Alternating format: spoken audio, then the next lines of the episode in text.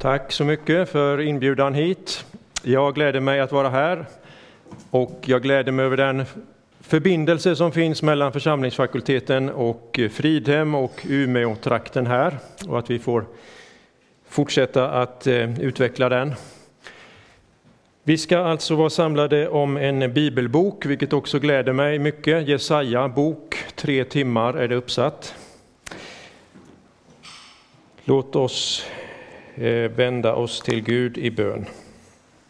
Herre, vi tackar dig nu att vi får samlas i Jesu Kristi namn. Herre, vi tackar dig att vi får ha ditt ord ibland oss. Vi ber här att du ska öppna skrifterna för oss och öppna våra hjärtan för ditt ord till oss idag. I Jesu namn. Amen.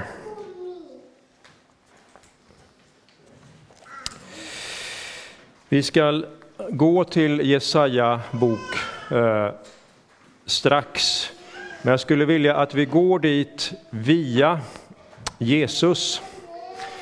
Att vi går till Jesaja via eh, vårt centrum, via Jesus Kristus. Och då kan vi ställa oss en fråga och ni kan själva tänka efter var och en. När vi kommer från Gamla Testamentet och går in i Nya Testamentet, vilket är det första Jesus ord, det första Jesus citat som vi möter i Nya Testamentet? Där kan man tänka efter lite. Vi kommer in i Matteus evangeliet och det berättas där om hans födelse. Och sen kommer avsnitt om Johannes döparen och där har vi det första liksom direkta citatet av Jesus. Och det lyder så här. Jesus svarar Johannes, låt det ske nu, ty så bör vi uppfylla all rättfärdighet. Det talas om en uppfyllelse. Så frågar vi, vad är det andra ordet av Jesus i Nya Testamentet? Jo, då har vi kommit ut i öknen. Han frestas av djävulen. Och det inleds med Det står skrivet. Och så kommer ett citat från femte Mosebok. Tredje Jesus-citatet i Nya Testamentet. Det står skrivet. Fjärde Jesus-citatet i Nya Testamentet. Det står skrivet. Tre gånger svarar han ju djävulen med detta och hänvisar till Gamla Testamentet. Så uppfyllelse, det står skrivet gånger tre. Och när vi har kommit så långt fram, ni som har eh, biblar kan gärna slå upp för att i, eh, nu använder jag folk, jag kommer använda folkbibeln eh, 98. Så det, det eh, och där är de gammaltestamentliga citaten kursiverade, så om man ställer sig den här frågan, vad av Gamla Testamentet har vi med här redan nu när vi går in i nya, i den här övergången? Så inte mindre än fem gånger fram till där vi är nu i Jesus i öknen, fem gånger hänvisas det till vad profeten eller vad profeterna har sagt. Vi kan bara så här nämna dem. Allt detta skedde för att det skulle uppfyllas som Herren sagt genom profeten, se jungfrun ska bli havande. Det, det, är första gången när vi nu talar om en profet, Jesaja som profet. Här i kapitel 1, vad profeten hade sagt. Går vi vidare kommer det kapitel 2, det står skrivet genom profeten, du Betlehem i Judaland.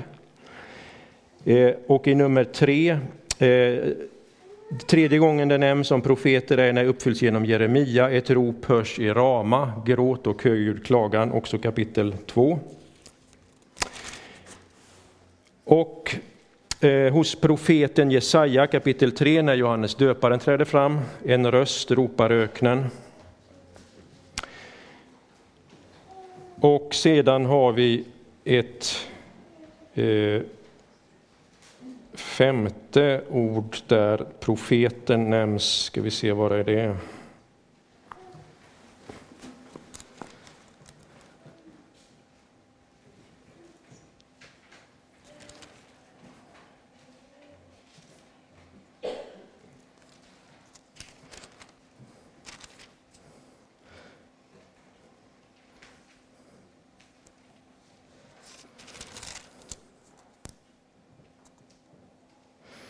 De är så lätta att hitta de här fyra, för där är det kursivt vad profeten har sagt. Men det finns ett ställe till om ni vill titta sen i de tre första kapitlen, där det inte är ett citat med, men det sägs för att det skulle uppfyllas som profeten hade sagt. Så vi har fem gånger hänvisningar till profeten eller profeterna. Vi har Jesus som talar om uppfyllelse och om att det står skrivet. Och sen ska vi inte glömma att hela Nya Testamentet börjar med släkttavlan i Matteus kapitel 1. Så de här sakerna nu gör att det byggs en enormt tydlig förbindelse och liksom koppling, en bro här mellan gamla förbundets skrifter och nya förbundets skrifter. Gamla och nya testamentet vävs liksom här ihop så att nya är helt enkelt en uppfyllelse, en fortsättning av vad som är sagt i gamla. Jesaja har nu bland dessa profeter en alldeles speciell ställning. Och jag tänkte bara ge lite fakta här för att eh, stryka under vilken unik placering just Jesaja har bland profeterna. Om man tittar i en konkordans av något slag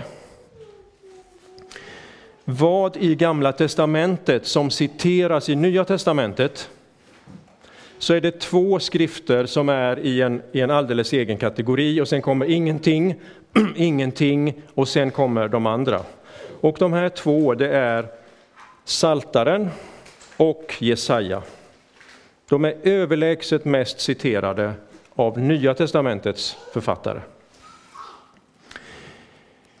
Eh, Jesaja nämns dessutom vid namn väldigt många gånger. Nu hörde vi Jeremia nämnas vid namn, men ibland är det bara att någon citerar någonting utan att säga vem det är. Men Jesaja nämns vid namn många gånger i Nya testamentet. Så därför kommer Jesaja som person och som namn i samma kategori i Nya testamentet som till exempel Mose eh, eller Elia eller David. Det gör ingen annan eh, profet egentligen, även om till exempel Jeremia kan nämnas. Hälften av de gångerna som Jesus hänvisar till profeterna är det till Jesaja. Paulus hänvisar till profeterna eller profeten 37 gånger. 27 av de gångerna är till Jesaja. Så vi har liksom anledning att närma oss Jesaja bok med förväntningar. Han har kallats för den femte evangelisten. Det är inte bara Johann Sebastian Bach som har kallats för det, utan också Jesaja har kallats för den femte evangelisten av det skälet att det ingen, hos ingen annan profet tecknas Jesus och hans verk så tydligt som hos Jesaja. Om vi tittar på honom lite bara som person så vet vi inte mycket om, eh, om honom. Han eh, är Jesaja ben Amos, eh, Amos son. Han har också kallats för kungen bland profeterna av det här skälet som jag nu sa, men också profeten bland kungarna. För han var nämligen vid hovet i hög grad, hade tillgång till ledningen till kungamakten i Israel. Så han är inte bara kungen bland profeterna utan också profeten bland kungarna. Och detta nu med kungarna, att det är plural, där har vi ett drag hos Jesaja att han är verksam under en väldigt lång tid. Troligen upp mot 60 år är han verksam. Och vi får i eh, inledningen till Jesaja en eh, uppräkning av fyra kungar som han verkade under. Och som sagt troligen upp mot 60 år. Vi ska komma tillbaka till, till det. Men detta nu bara för att lite grann rama in hans eh, person och karaktär. Profetior i nu Gamla Testamentet här kallas ofta för syner. Jesaja ser. Det, vi vet ju inte, liksom, vi kan inte beskriva hur det är psykologiskt eller hur det upplevs eller olika sätt, men han, han ser syner om vad som skall hända och vad som är Guds budskap. Detta har nu en viss betydelse för ett speciellt drag, inte bara hos Jesaja utan hos profeter i allmänhet. Det har kallats ibland för profetiskt perfekt. Och perfektformen är att något har hänt. Jag har kastat bollen, det är perfekt. Det är någonting som är förfluten tid. Men det speciella nu med profeterna är att de kan tala om det här har hänt, om sånt som kommer att hända. Så han kan säga att ett barn har fötts. Och om vi jämför olika bibelöversättningar så, så ibland har man översatt det här med ett barn skall födas, men ibland har man översatt har fötts. Fast det är uppenbart att Jesaja menar att detta kommer att ske. Så det kallas ibland för profetiskt perfekt, det här fenomenet.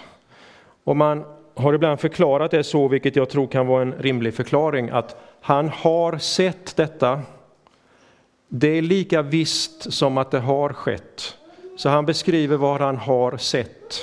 Då har det fötts och då kommer det också att födas. Detta är viktigt när vi läser Jesaja och det finns ju en diskussion nu om man talar med de som inte är kristna, judar som håller Jesaja högt som profet. Men frågan är vad låg i framtiden och vad är sånt som Jesaja bara säger, detta har hänt. Och det är ett särdrag i hans språk. Det finns andra särdrag i Jesajas språk om vi bara tänker på honom som författare. Han är, kan man säga, en ordkonstnär. Hans språk är helt fantastiskt. Han har bilder, han har eh, poetiska avsnitt, ordlekar, eh, allitteration, alltså detta att han börjar på samma bokstav, till exempel flera slags bokstavsrim. Alla möjliga sådana här språkliga finesser och, och, fenomen finns med i Jesaja.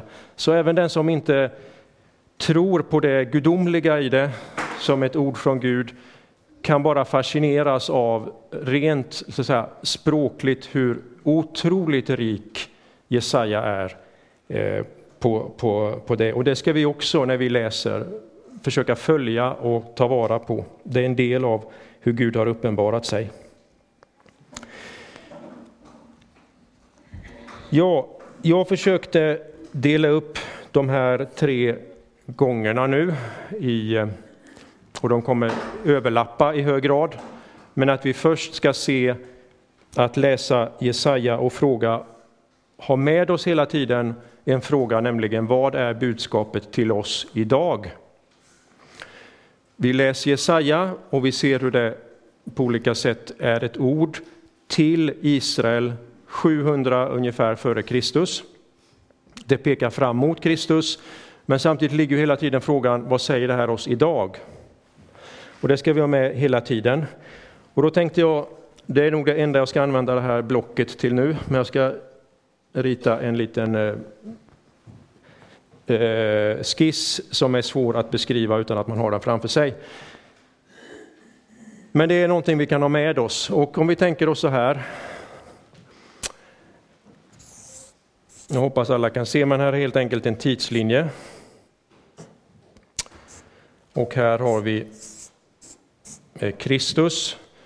Här har vi eh, Jesajas tid, 700-talet eh, före Kristus. Och här, här har vi vår tid. Och när då Gud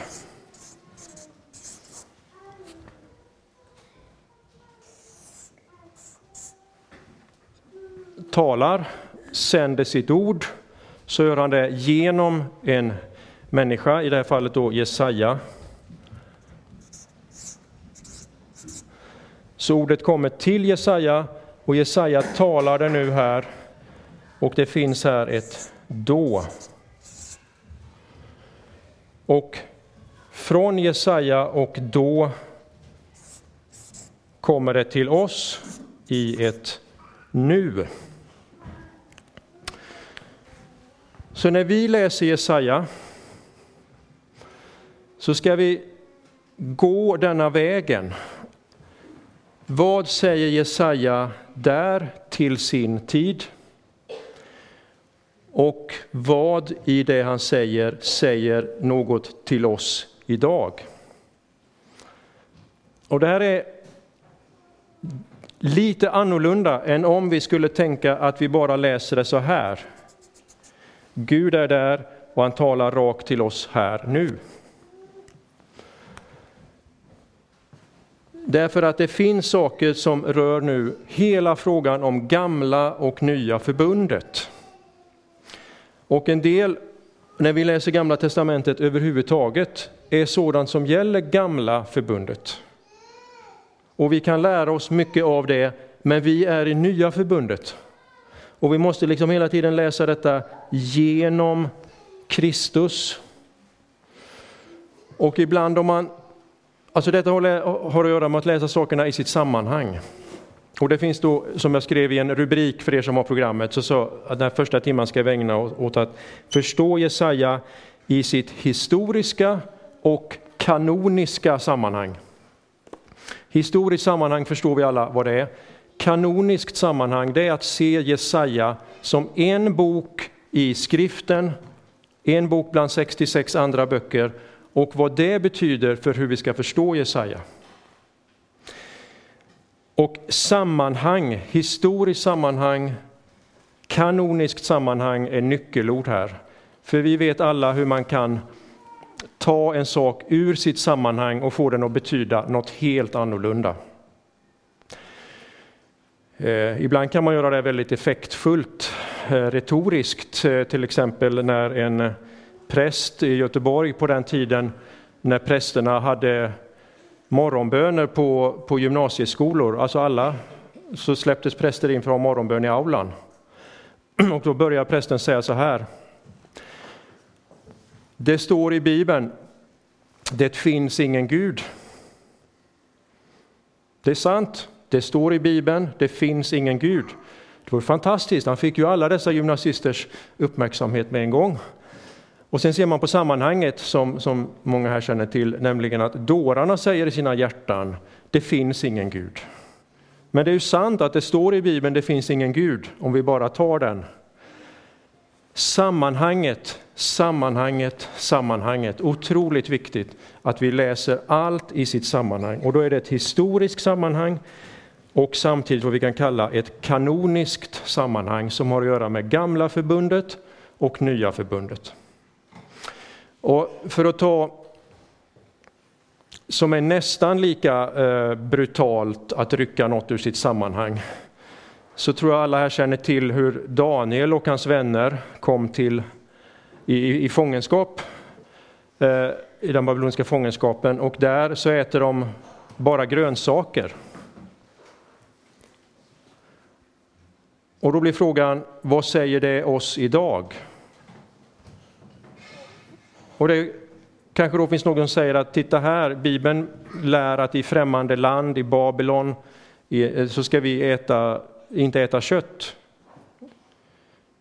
Men det är helt out of context, ut ur sitt sammanhang. Men det kan lära oss någonting. Och då blir frågan, vad sa Gud till Daniel eh, ungefär 500 före Kristus vad säger Gud oss idag genom den berättelsen? För Gud talar till oss genom sitt ord, genom profeterna, genom de här berättelserna talar han till oss idag. Inte att vi eh, kan, kan gå förbi dem och tänka att vi ska få det här direkta, utan det går genom Bibeln och Bibeln går genom historien och genom det kanoniska. Ja, vi kommer tillbaka till detta, men jag vill bara att vi tar med det, för att annars kan vi ställas inför många olika frågor när vi läser Jesaja, därför att i Jesaja är mycket riktat till Guds folk Israel, men sen är också mycket i Jesaja riktat till folken, hedningarna, nationerna, länderna. Förvånansvärt mycket, om vi bara bläddrar igenom Jesaja, är riktat inte till Israel som det utvalda folket, utan till de omkringliggande folken, hedna folken. Och det är en skillnad i vad Jesaja säger till det utvalda folket, som har Mose lag, och vad han säger till hedna folken. Det ska vi komma tillbaka till. Så Jesaja i historiskt och kanoniskt sammanhang. Vi kan slå upp Jesaja, ni som har eh, en bibel tillgänglig.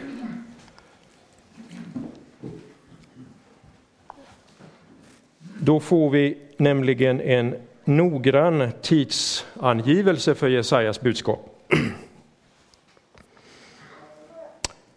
Jesaja kapitel 1, vers 1 börjar så här. Detta är de syner som Jesaja, Amos son, skådade angående Juda och Jerusalem då Ussia, Jotam, Ahas och Hiskia var kungar i Juda.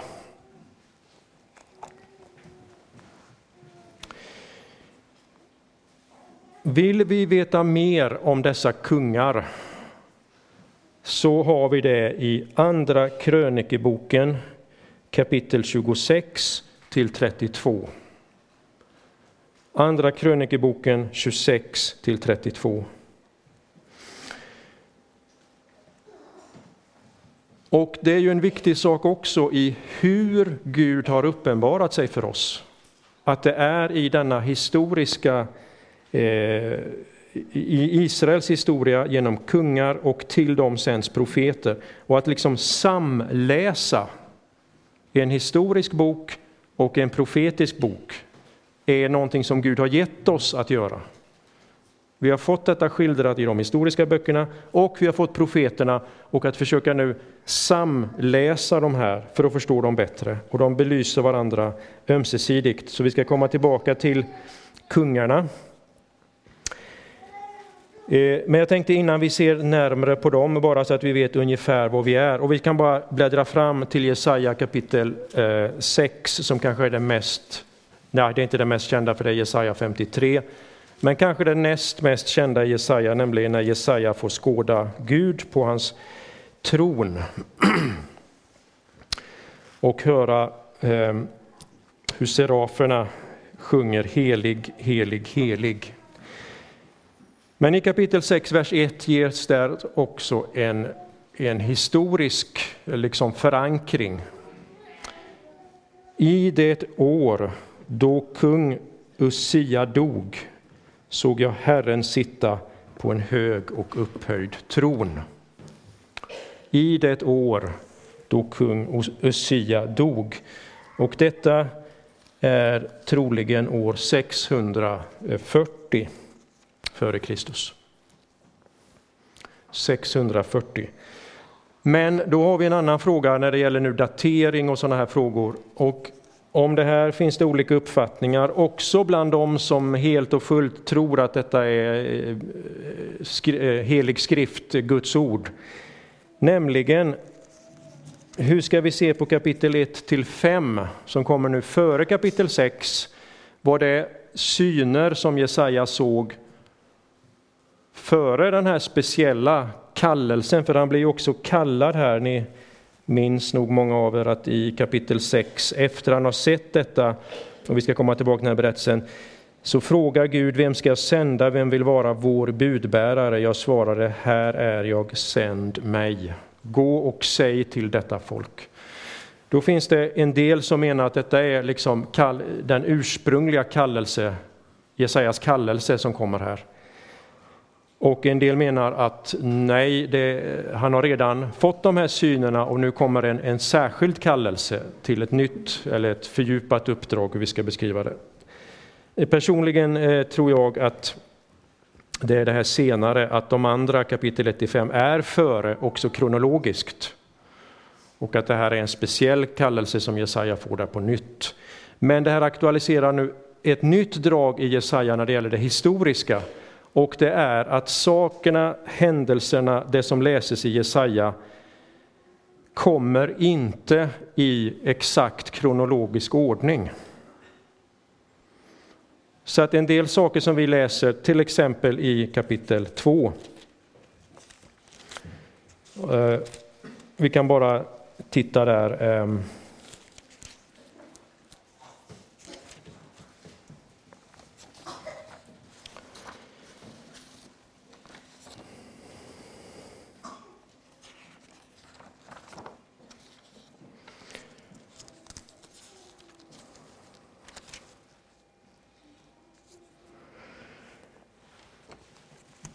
Först har vi ett, ehm,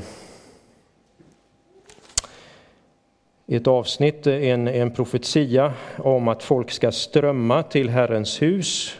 Alltså ett ljuvligt budskap. Hedna folken ska strömma till, till Jerusalem. Samtidigt kommer där i kapitel 2 ett eh, domsavsnitt i andra halvan. Och det här domsavsnittet Eh, Eh, då Israel beskrivs som förskjutet. Det låter på olika sätt som något som historiskt sen vi kan läsa om i kapitel 7, 8 och kapitel 36, 37, 38. Där är ett par historiska, då vi är liksom rakt i, in i det som skildras i eh, krönikeböckerna. Vi vet att detta är liksom, men här är någonting som egentligen tycks komma väldigt tidigt innan det har hänt. Så att scenerna följer inte en exakt kronologisk ordning i Jesaja, det är poängen. Någon har jämfört det här med en eh, diaprojektor. Ni vet när man visar diabilder så kommer liksom en ny bild, ny bild, ny bild. Det är inte som en kamera som sveper så här och man förstår att det ena kommer liksom efter det andra så här. Utan det, plötsligt är vi i en ny scen. Plötsligt är vi i en ny bild. Och Jesaja växlar så här och det gör att Jesaja är inte så enkel att läsa på det sättet. Samtidigt kan man säga att det spelar inte så stor roll för oss om kapitel 2 skildrar det som sen kommer historiskt senare med Assyrien och deras belägring. För oss spelar det mindre roll. Men när vi försöker liksom läsa Jesaja och förstå så här steg för steg, när händer det och det, då är, då är det svårt svår att läsa. Det finns två avsnitt i boken som tydligt är hopkopplade med de historiska som vi har i de historiska skrifterna. Det är kapitel 7. Eh, ja, jag ska inte rita det, men vi kan tänka oss lite så här. Här har vi en allmän kronologi vår tideräkning. 640 före Kristus och så vidare. Här har vi händelser i Jesaja bok. Och var kan vi tydligt koppla ihop det Jesaja beskriver med vår kronologi? Då är det kapitel 7 som är ett väldigt tydligt sådant kapitel. Då har vi nämligen kungar i Assyrien, som vi kan eh, tidsbestämma också från andra källor. Och på liknande sätt har vi i kapitel 36 till 39 ett avsnitt där vi också har den assyriska belägringen och, och, och farorna med den. Så 7, 36 till 39, det är liksom de två fundamenten för att tidsbestämma Jesaja. Sen finns det några andra, till exempel där i kapitel 6, Usias död nämns. Men vi har ett annat väldigt speciellt som inte hjälper oss så mycket just att datera Jesaja, men som är en väldigt speciell historisk uppgift. Och den vill jag bara nämna för att många av er har åtminstone upplevt effekterna av att denna sak står där. I kapitel 44, 45, eh, vi kan bara slutet av kapitel 44, början av kapitel 45, 44, 28 och 45, 1 nämns det ett namn, nämligen Koresh. Koresh. Jag är den som säger om Koresh, han är min herde och så vidare. Så säger Herren till sin smorde till Koresh som jag fattat vid hans högra hand. Detta är nu en babylonisk kung som ska föra Israel tillbaka från fångenskapen. Och detta sägs långt innan de ens har gått i fångenskapen. Alltså, när Jesaja här säger detta på 700-talet, eller början av 600-talet före Kristus, så har ju inte Israel fått gå i, i den babyloniska fångenskapen ännu. Och samtidigt så sägs det nu inte bara att de ska komma tillbaka från fångenskapen utan också vilken persisk kung som ska slå assyrierna och låta dem komma tillbaka. Han namnges här. Och det är bland annat detta som har fått då många bibelkritiska forskare att eh, tänka att detta kan inte vara skrivet av Jesaja, detta måste vara skrivet efter att det har hänt på 500-talet. Och därför har man då talat om en så kallad Deutero-Jesaja som kallas för den andre Jesaja. Det betyder den andre Deutero. Att det, Jesaja skulle liksom vara från kapitel 40 och framåt skriven av någon annan än den Jesaja ben Amos som vi har, har sett på. Men detta har som förutsättning att man tror inte att Gud kan förutse framtiden, att profetia är något omöjligt. Så utifrån att man tror att Bibeln är Guds ord, tror på Gud, tror på profeterna som också skådar in i framtiden, så är det inget argument att detta är så långt fram i tiden. Utan det är tvärtom något som gör det eh, det är en viktig sak också när vi läser Jesaja här, att just för att Gud är den som kan förutsäga det som ska ske i framtiden, är också tecken och bevis på att han är Gud. Vem har förutsagt detta, frågar han Jesaja 40 och framåt. Det kan inte avguda, eh, avgudarna göra, avgudadyrkarna kan inte det, men den sanne guden kan det. Men detta är ett speciellt eh, liksom avsnitt, Kores nämnande här i 44-45 som jag bara tänkte nämna.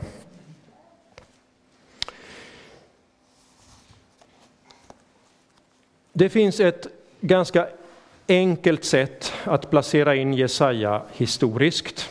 Och liksom det kan bli väldigt mycket årtal, kapitel som ett eh, förvirrande. Men det finns ett enkelt sätt, tror jag, att placera in Jesaja historiskt. Och det är utifrån världsmakterna som dyker upp i Bibeln och i världshistorien. Fram till att Assyrien träder fram så är olika folk och makter och, och riken konkurrenter, de krigar. Tänk till exempel hur Israel krigar ju hela tiden med filister och mohabiter och andra som är runt om där. Överallt är det krig mellan folk. Men det finns liksom ingen sån här jätte, en världsmakt Egypten är stort, men det håller sig i stort sett där nere där det är. Men på världshistorien som vi känner den, så den första makt som liksom blir ett sånt här imperiebyggande, det är Assyrien. Och Assyrien beskrivs i Jesaja, och Jesaja är precis när Assyrien börjar liksom expandera.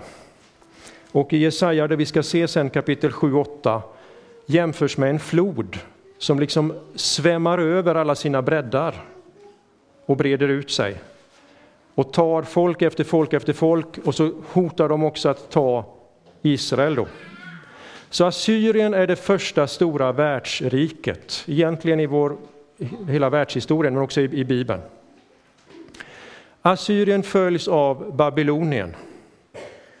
Så Babylonien segrar över Assyrien och blir den nya världsmakten. Ungefär 600 eh, före Kristus. Babylonien besegras av perserna. Och där är liksom i stort sett Gamla testamentets tid här. Sen har vi Grekland med Alexander den store och sen har vi romarriket. Och då är vi framme på Nya testamentets tid. Och då är Jesaja alltså, när Assyrien nu blir denna världsmakt, det är det Jesaja ser. Flera av de här historiska texterna är hur detta hotar Israel. Och sen profeterar han fram mot den tiden som är den babyloniska och babyloniska fångenskapen. Inte bara att de kommer få gå i fångenskap, vilket är en total katastrof med templets förstörande, utan också att de ska komma tillbaka till sitt land. Där har vi Jesaja. Och på ett liknande sätt som detta kan vi tänka kring den eh, nu kanoniska kontexten, den, det kanoniska sammanhanget. Var i kanon, var i Bibeln finns Jesaja egentligen? Och i Gamla testamentet har vi, man kallar det ibland för tre olika litteraturperioder. Tre huvudavsnitt, liksom, då det kommer av Gud inspirerad skrift. Och den första är förstås eh, Mose tid, de fem Moseböckerna och Josua bok.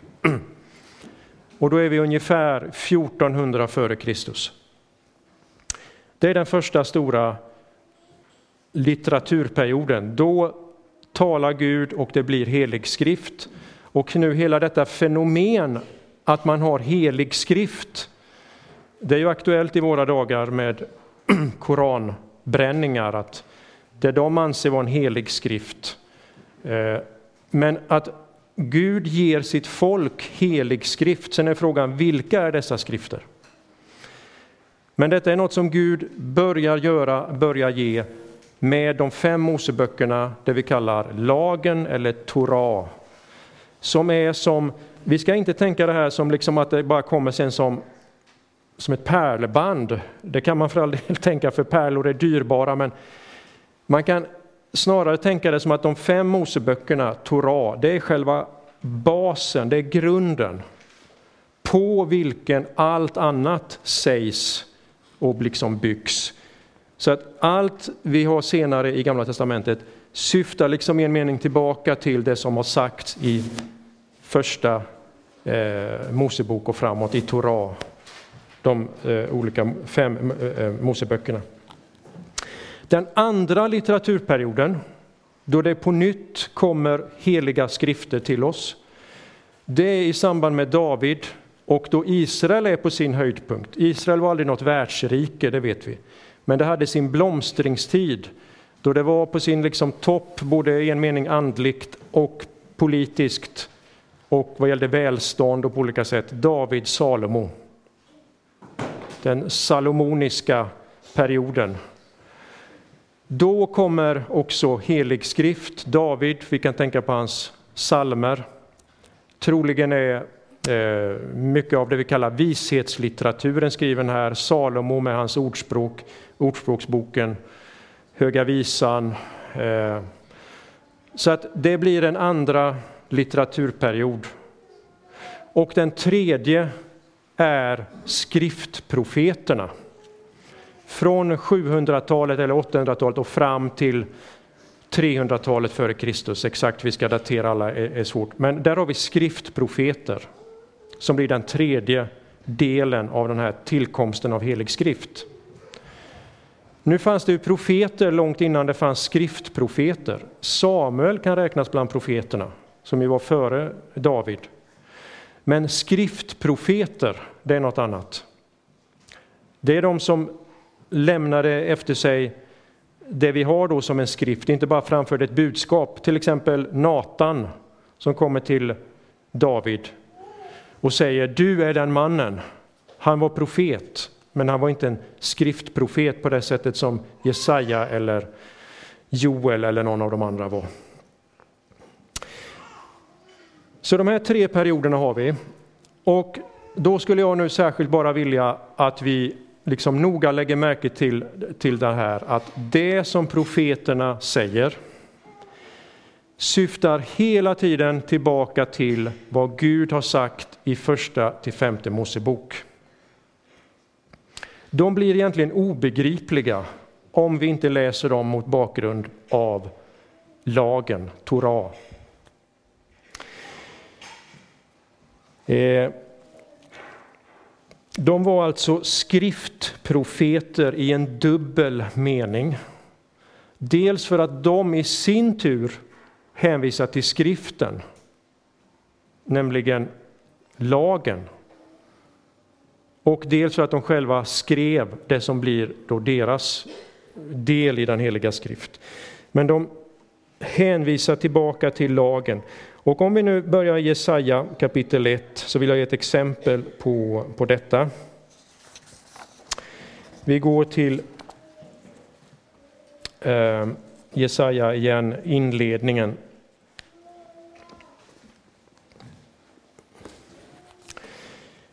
Så först hade vi i vers 1 den här angivelsen vad detta är. Det är syner från Jesaja. Tidsangivelsen och sen börjar själva budskapet.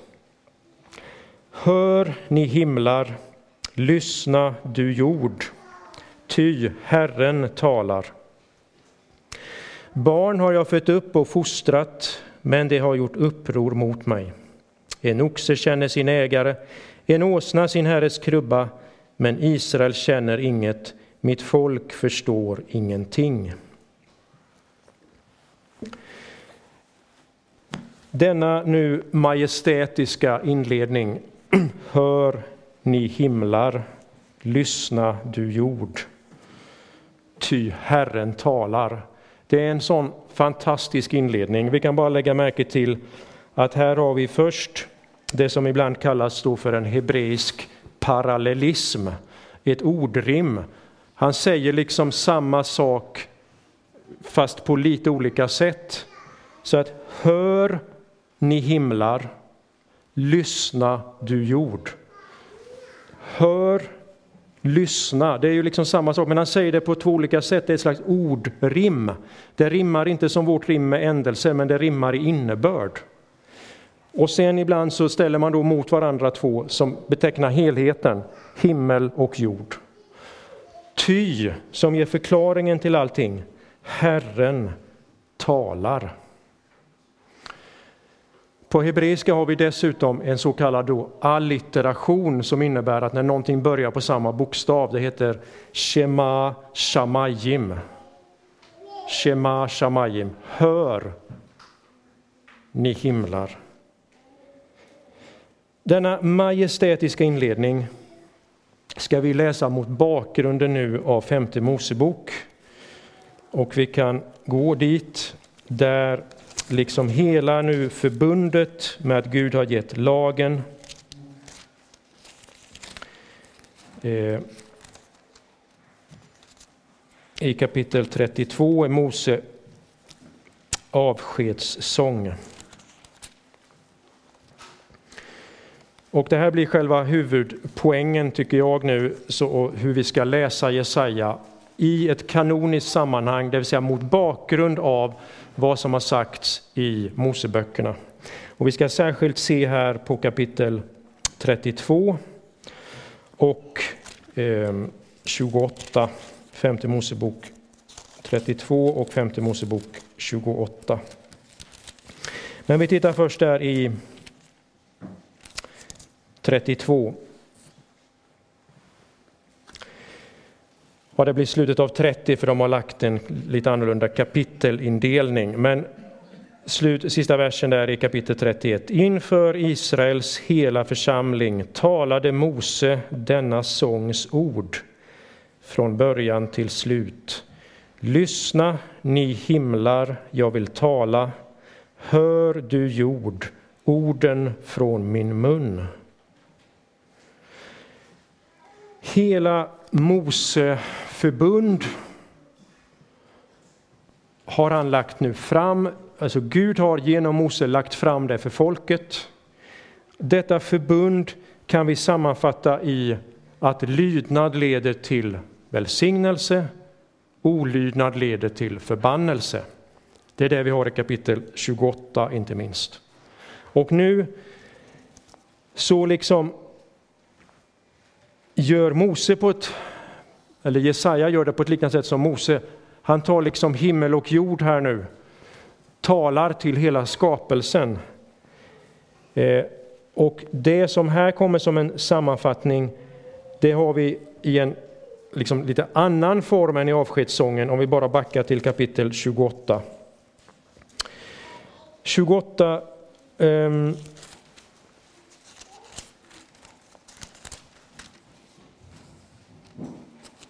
har det här lydnad, välsignelse, olydnad, förbannelse. Det, det, är det som är temat och det är otroligt starkt om man läser slutet av femte Mosebok, de här olika eh, avsnitten. Jag tror vi ska, vi hinner, vi har några minuter kvar, eh, läsa lite här för att ha det som bakgrund sen till Jesaja. 28, vers 1. Om du lyssnar till Herrens, din Guds röst, genom att noggrant följa alla hans bud som jag idag ger dig, så skall Herren din Gud upphöja dig över alla folk på jorden. Och alla dessa välsignelser ska komma över dig och nå fram till dig när du lyssnar till Herrens, din Guds röst. Välsignad skall du vara i staden och välsignad ute på marken. Välsignad skall ditt moderlivs frukt vara och din marks gröda, det din boskap föder, din nötboskaps kalvar och lammen i din jord. Välsignad skall din korg vara och välsignat ditt baktråg. Välsignad skall du vara när du kommer in och välsignad skall du vara när du går ut. Och så vidare, det kommer sen om fiender. Så kommer vers 15. Men om du inte lyder Herrens, din Guds röst och inte håller fast vid och följer alla hans bud och stadgar som jag idag ger dig, så skall alla dessa förbannelser komma över dig och nå fram till dig. Förbannad skall du vara i staden och förbannad ute på marken. Förbannad skall din korg vara och förbannat ditt baktråg. Förbannat Eh, skall ditt moderlivs frukt vara och din marks gröda, din nötboskaps kalvar och lammen i din jord. Förbannad skall du vara när du kommer in och förbannad skall du vara när du går ut. Och sen kommer här också hur Herren ska sända över dem olika plågor och fiender. Herren ska låta dig bli slagen av dina fiender, vers 25. Och sen går vi fram från 28 eh, och i 30 vers 19 så säger Mose så här, jag tar idag himmel och jord till vittne mot er att jag har förelagt dig liv och död, välsignelse och förbannelse. Jag tar idag himmel och jord till vittne. Och nu talar Jesaja, hör ni himlar, lyssnar du jord. Vi förs liksom in i hela det här sammanhanget som ungefär 700 år tidigare, 1400 första litteraturperioden, till Jesaja 700. Det smälter liksom här ihop. Så Jesaja griper tillbaka på vad Gud här har sagt i sitt förbund. Allt hans ord gäller, inget går om intet. Och det Jesaja nu kommer som här är en domsprofet. Han talar dom mot det folk som har brutit förbundet. Hör ni himlar, lyssnar du jord, ty Herren talar. Barn har jag fött upp och fostrat, men de har gjort uppror mot mig. En oxe känner sin ägare, en åsna sin herres krubba. men Israel känner inget, mitt folk förstår ingenting. Mitt folk, som skulle vara det heliga folket, som hade sin liksom kallelse just i att känna Herren, säger nu Jesaja, de känner ingenting. De är värre än oxen, åsnan och så vidare.